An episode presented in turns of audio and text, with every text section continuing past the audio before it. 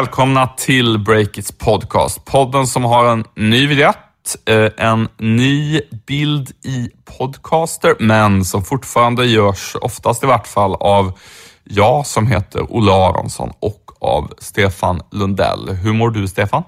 Nej, men jag mår bra. Det är fullt ös här på Breakit-redaktionen och det är ju som det ska vara.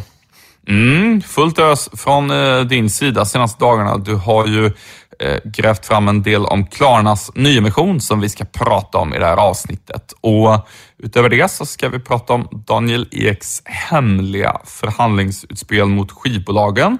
Eh, vi snackar om Kings skattehärva och så om det svenska succébolaget som vill hjälpa medierna att bryta sig fria från Facebook. Så är det. Men först vill vi köra några snabba nyheter i korthet. Och jag börjar med att rapportera att Linköpingsbolaget Donja Labs köps upp av eh, den amerikanska jätten Microsoft. Eh, det här Linköpingsbolaget har tagit fram en teknik som automatiskt komprimerar 3D-modeller i spel, vilket gör att det krävs mindre datorkraft för att driva spelen. Mm, spännande innovation. Och så har Europas eh, största modebolag på nätet, Zalando, eh, de har annonserat att de ska öppna ett stort lager i Sverige och på så vis skapa hundratals jobb. Eh, det meddelade Zalando i veckan. De ägs ju till största delen av eh, Svenska Kinnevik som drivs av Stenbeck-familjen. Det svenska fettmätningsbolaget Amra, även det från Linköping, får in 80 miljoner i riskkapital från en grupp mycket celebra investerare. Det handlar om Pfizer, världens största läkemedelsbolag, och Novo Nordisk, som är Nordens mest eh, värdefulla börsbolag från Danmark. Och eh, även den svenska industrifonden finns med bland investerarna. Ja, intressant. Novo Nordisk Insulinbolaget går in i en svensk startup. Eh, och sen har Twitter lagt ner sin e-handelssatsning. Tidigare hade Twitter ju köpknappar. Man kunde klicka direkt i tweets för att köpa saker på till exempel Shopify som är en sorts e-handelsplattform. Nu avskaffas den här köpknappen. Satsningen läggs ner och frågan återstår väl hur Twitter egentligen ska bygga en långsiktigt bra affär. Till sist, entreprenören Isabella Lövegrip och Rapunzel-grundaren Ida Backlund investerar i den gotländska frisörbokningstjänsten Wavy. Tjänsten ska utöver bokning göra det enklare för frisörer att komma närmare kunderna och bygga en relation.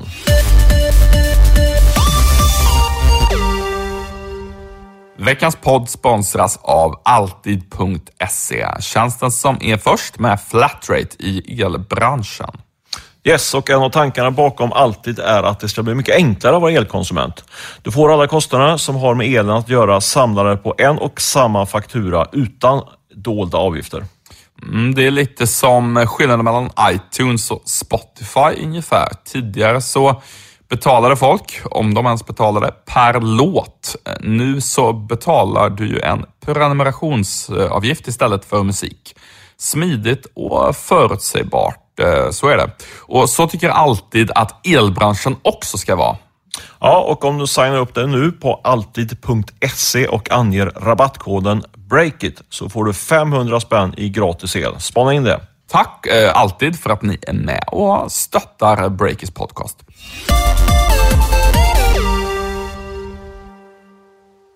I veckan kom en eh, mycket uppmärksammad skattedom mot Kings ägarbolag eh, Midas Player. Vad handlar det om, Stefan?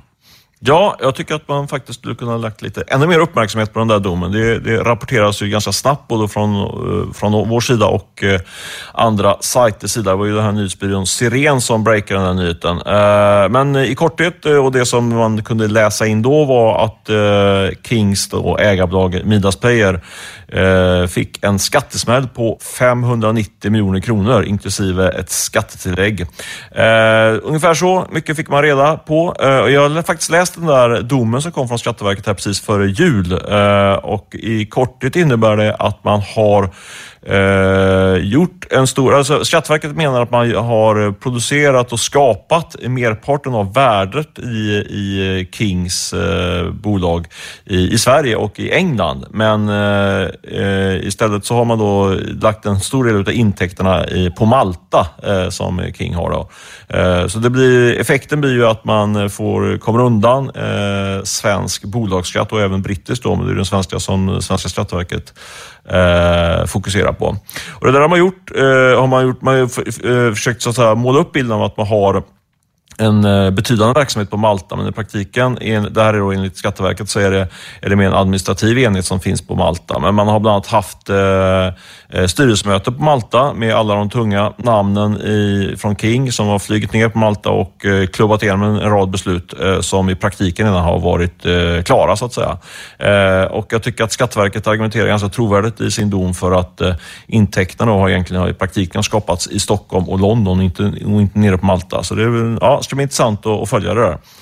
Oavsett om man kan någonting om skattejuridik eller inte så är väl den bild som, det, det, det, är väl ingen som fram tills nu har sagt emot vad gäller bilden att själva värdena skapas i Stockholm och i, i Storbritannien. Det, det är väl få som kanske har sett Kings som en maltesisk succé startup så vad gäller den allmänna bilden i vart fall.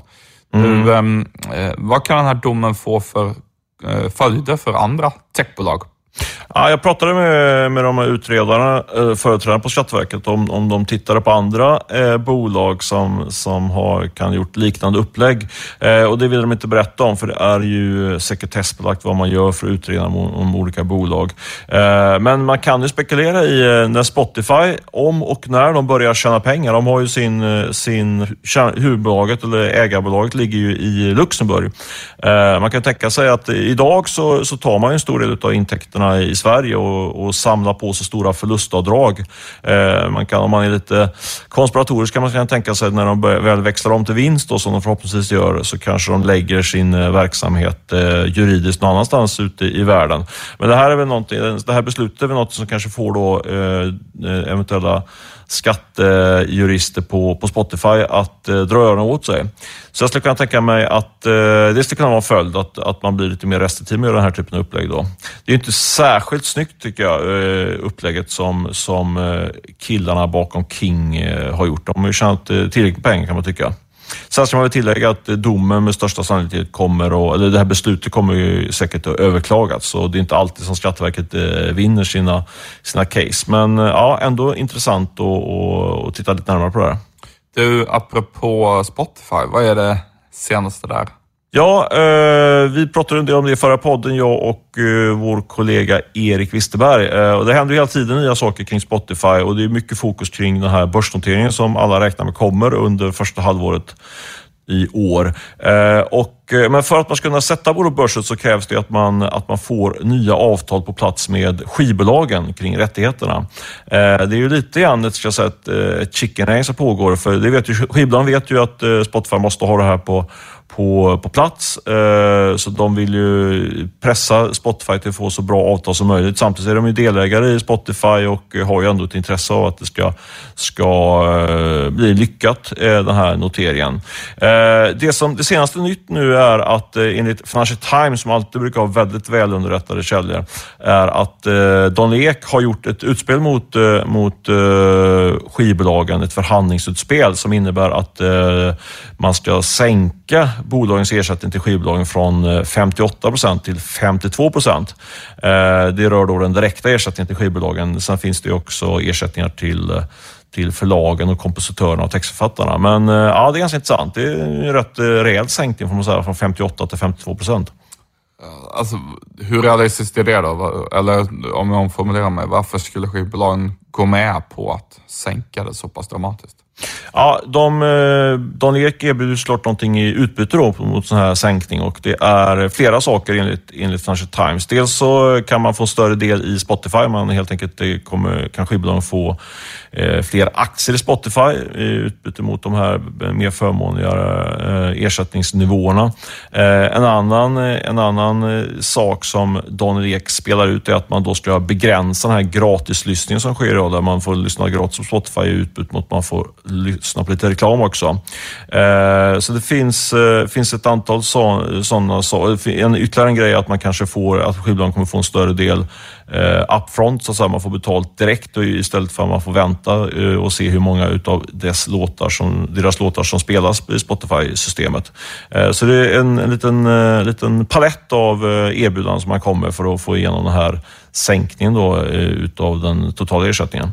Det där är väldigt intressant tycker jag. Det, så var det ju förr, att man fick ju väldigt mycket pengar direkt när en skiva släpptes och folk köpte den. Nu har det blivit en modell där man måste vänta länge på pengarna, eh, kan man säga. Om, om de alls kommer. Det kan jag tänka mig en del eh, skivbolag som tycker att det skulle vara aptitligt om det var lite mer som filmindustrin, att man liksom investerade i att producera och marknadsföra en skiva och så fick man tillbaks ganska mycket pengar direkt.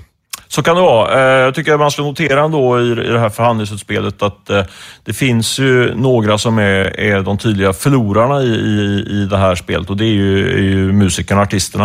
Eh, för det här kommer innebära att ersättningsnivåerna, om Don Lek får igenom det här, kommer sjunka medan eh, skivbolagen då kompenseras på annat sätt, men det gör ju inte, gör ju inte artisterna.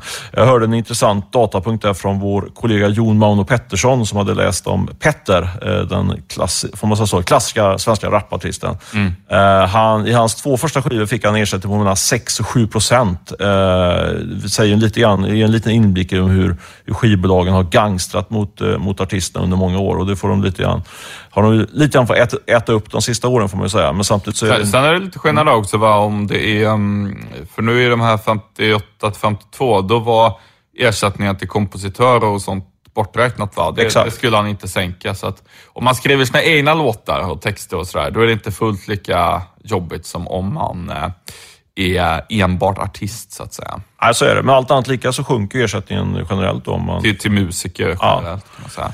Så är det. Eh, men, eh, men sätter ändå fokus på, på, på själva kärnfrågan i Spotify caset här tycker jag eh, helt enkelt eh, när kan eller kommer eh, Spotify någonsin kunna vrida om till lönsamhet? För det är ju det som eh, ligger i korten här när Dan Ek försöker få ner ersättningarna till skivbolagen. För de, i praktiken skickar de ju iväg eh, i då, både till skivbolagen och till kompositörer och textförfattare. Vad är det? 70 procent? ja, det finns 72 procent tror jag sån här som ja, går till... Det, det är de siffrorna de brukar droppa. Exakt, och det är ju tufft att ha bara 30 procent kvar i, i, i och betala allting annat man ska ha. Så det är orsaken till att Spotify gör stora, stora förluster. Betalas, vad var det, Stockholms dyraste kontorshyra och sånt där? Ja, så kan det nog vara. Men om vi ska fokusera på det, på, på själva kärnan i det här resonemanget. Och du med din eh, kombinerade erfarenhet av gammal musiker och eh, slipad ekonomijournalist. Vad, vad, tror du, kommer Spotify kunna tjäna pengar på sikt? Det tror jag absolut att han kan. Däremot så um, det är ju en bransch som... Varför då om jag frågar? Alltså, man har det, caset är ju ändå att skivbolagen eh, sitter liksom med kniven i ryggen på dem och kan ju liksom hela tiden vrida åt om de, om de inte är tillräckligt schyssta mot dem, eller? Jo, fast samtidigt så får man ändå komma ihåg att Spotify är så pass stort nu. Skivbolagen är ju till hyfsat stor mån ändå beroende av Spotify också. Det är inte så att eh, man bara tar bort all musik från Spotify, liksom att det är automatiskt leder till att folk börjar konsumera den musiken någon annanstans. Liksom. Ehm, så att, så att där, där, tror jag ändå det är någorlunda ett ömsesidigt beroende i och med att Spotify faktiskt är så stort. Um, däremot så är det klart att alltså det kommer nog bli en tuff period nu när det är, det är mycket konkurrens och så. Det är väl några spelare som måste slås ut från den här marknaden, någon som måste köpa upp någon annan och så vidare. Uh, och eh, sen kommer det väl landa i någon modell där eh, ja, det finns ett fåtal spelare, typ tre stycken eller någonting, varav Spotify är en.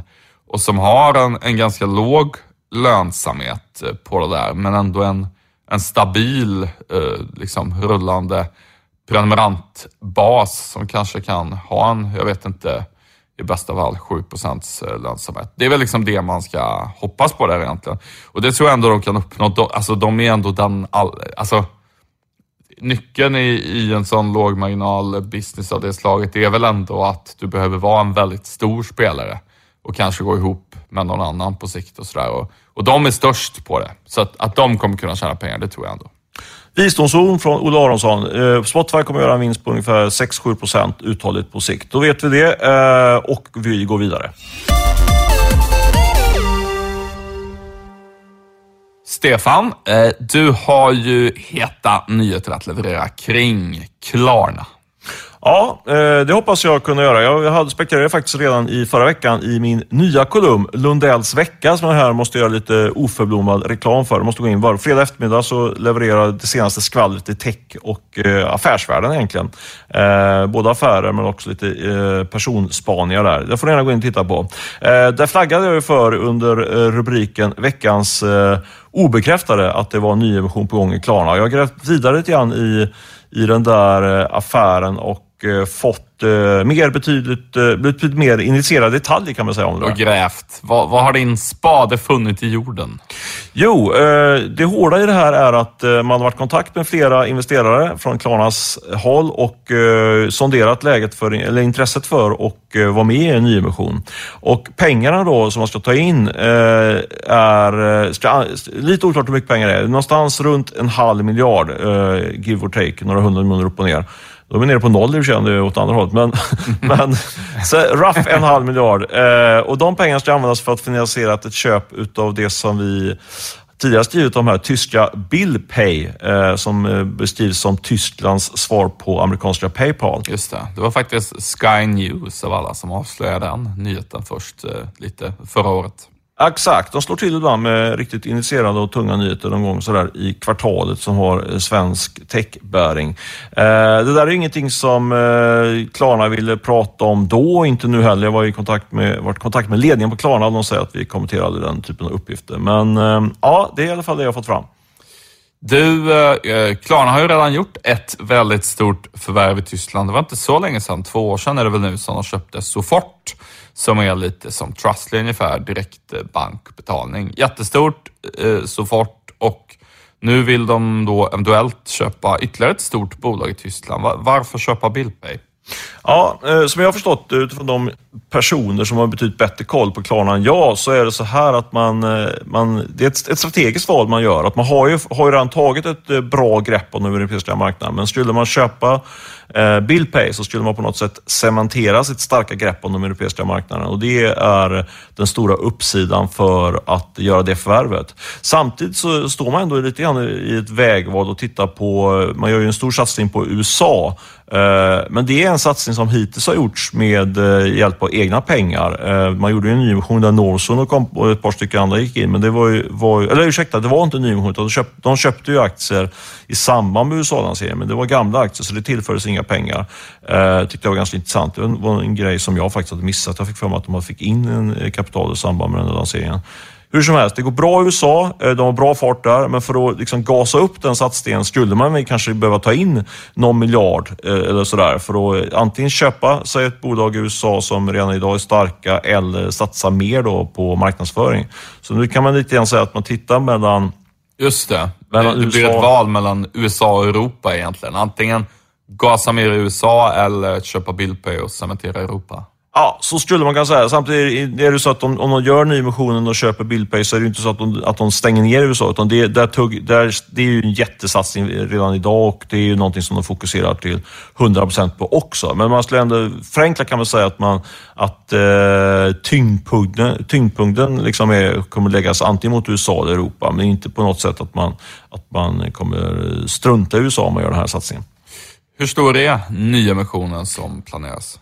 Ja, det kanske jag ärligt, ärligt talat säga att det inte, jag, jag vet, det vet jag inte. Men när man pratar med folk som har bra insyn i vad som krävs och så för att köpa ett sånt bolag som Billpay så, så pratas det om eh, i storleksordningen en halv miljard till eh, en miljard. Eh, det är väl ungefär den här. Det är inte så stor mening med att göra en nyemission på kanske 100 miljoner om det är ett bolag som Klarna. Så det räknar med absolut en halv miljard uppåt. De går knappt liksom upp ur sängen för att göra en nyemission på 100 miljoner. Nej, jag förstår. Det låter rimligt som att den den måste vara så stor. Hela firman värderas väl till vadå, 19 miljarder eller någonting sånt där totalt. Så att eh, eh ytterligare en miljard i, i nyemission är liksom ingen monstruös eh, utspädning utifrån de eh, ägarförhållanden som är nu i vart fall.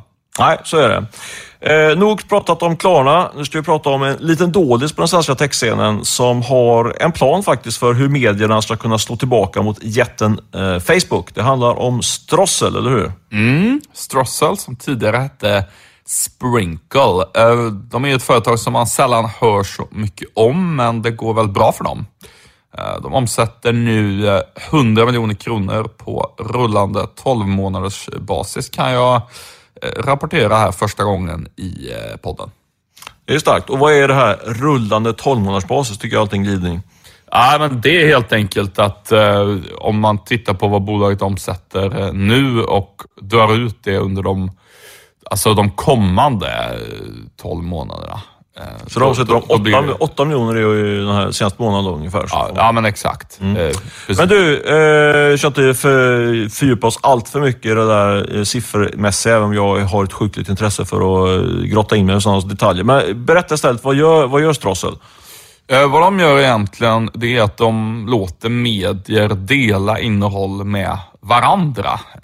Och med medier menar jag ja, sajter typ gp.se till exempel. Och då är liksom tanken att eh, Strossels liksom case för medierna, det är att eh, det finns massa människor som till exempel är jätteintresserade av bilar och då när de är inne och läser om någon bilartikel på gp.se, då är de säkert sugna på att läsa ännu mer om bilar. Men om den, det innehållet inte finns på Göteborgs-Postens sajt, då, men det finns på ja, kanske massa andra sajter, då läser folk bara den här enda bilartikeln som fanns på GP och sen går man någon annanstans och hänger på internet, typ till Facebook.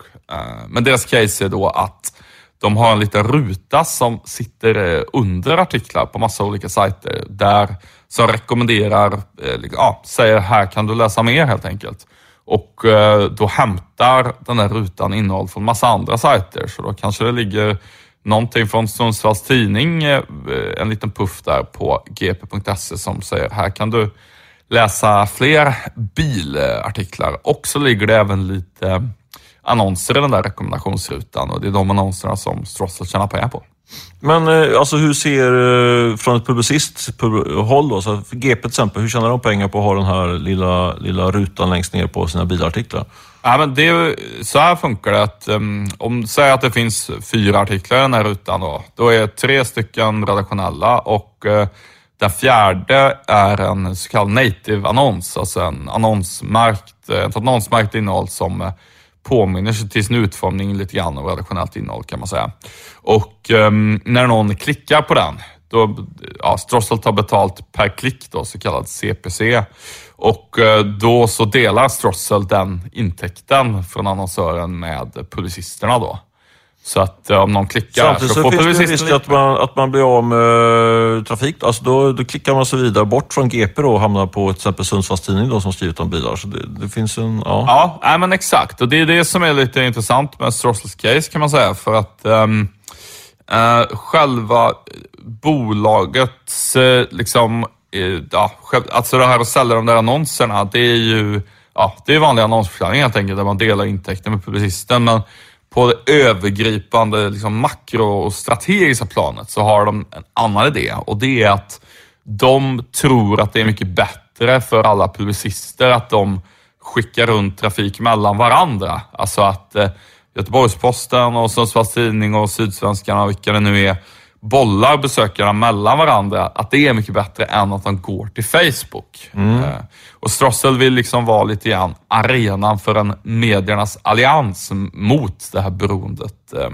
från Facebook. Då. Men det är lite grann så här hönan och ägget då. Då gäller det att man har verkligen samlat nästan alla publicister, för annars blir det väl, faller väl idén lite grann, eller? Ja, den faller ju delvis, det får man ju säga. Um, det är klart att um, Eh, Eh, det, det, det, finns ju, alltså ju fler som är med, ju starkare blir det ekosystemet. Så är det helt klart. Precis som att ju fler som har ett Facebook-konto, ju starkare blir det eh, ekosystemet så att säga. Men eh, det finns någonting intressant i det här, I synnerhet tycker jag i att ehm, um, Strasselgunnorna vill ju inte säga det rätt ut, men man förstår liksom på dem att de är ju väldigt intresserade av att hjälpa medierna med att dela med sig av användardata också. Och det skulle ju kunna bli väldigt kraftfullt om alla medierna kan pola sin data med användarna och på så fall få lika mäktig data som till exempel Google och Facebook har för att rikta annonsering på ett smartare sätt. Um, hur många är det som är med då ungefär i, på den svenska marknaden? Liksom? Jag har faktiskt inte koll på exakt hur många publicister de har, men jag vet att Stampen är med och att Mittmedia är med.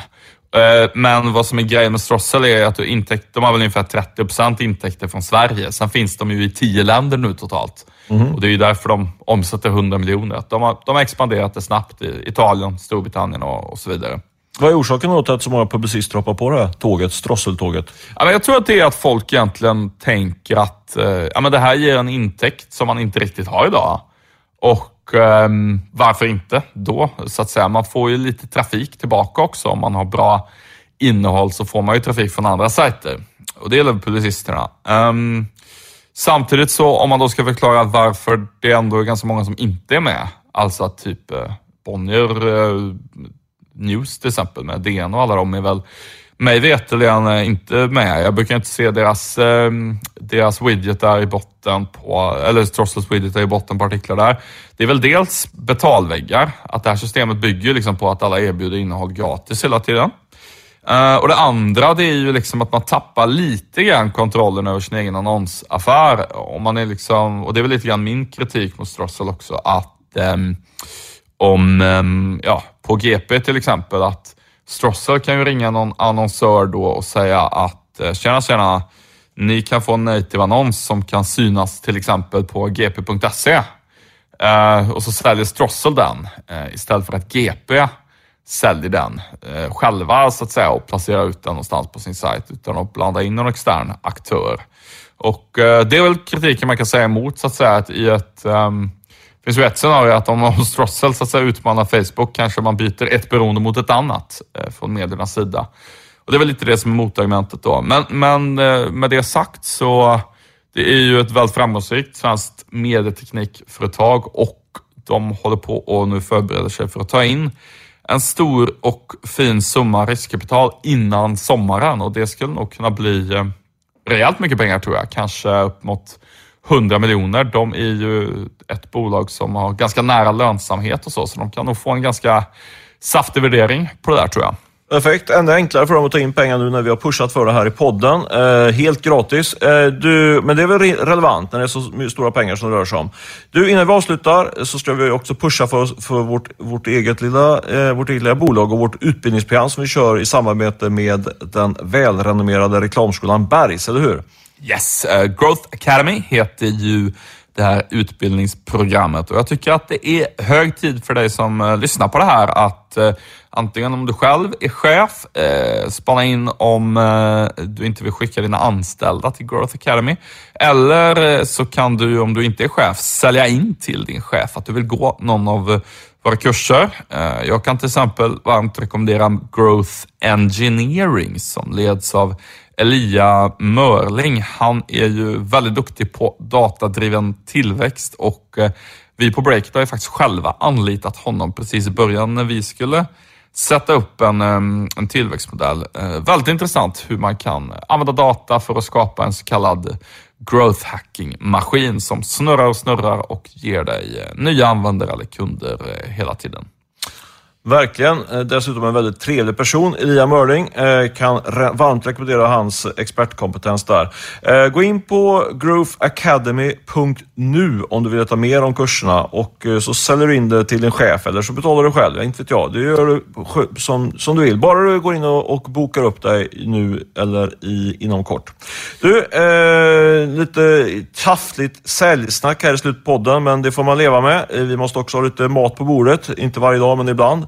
Eh, dags för oss att runda av i alla fall nu. Innan dess ska vi tacka Beppo ljudproduktion som hjälper oss med att klippa ihop den här podden varje vecka på ett föredömligt sätt. Har du något annat att säga, Olle?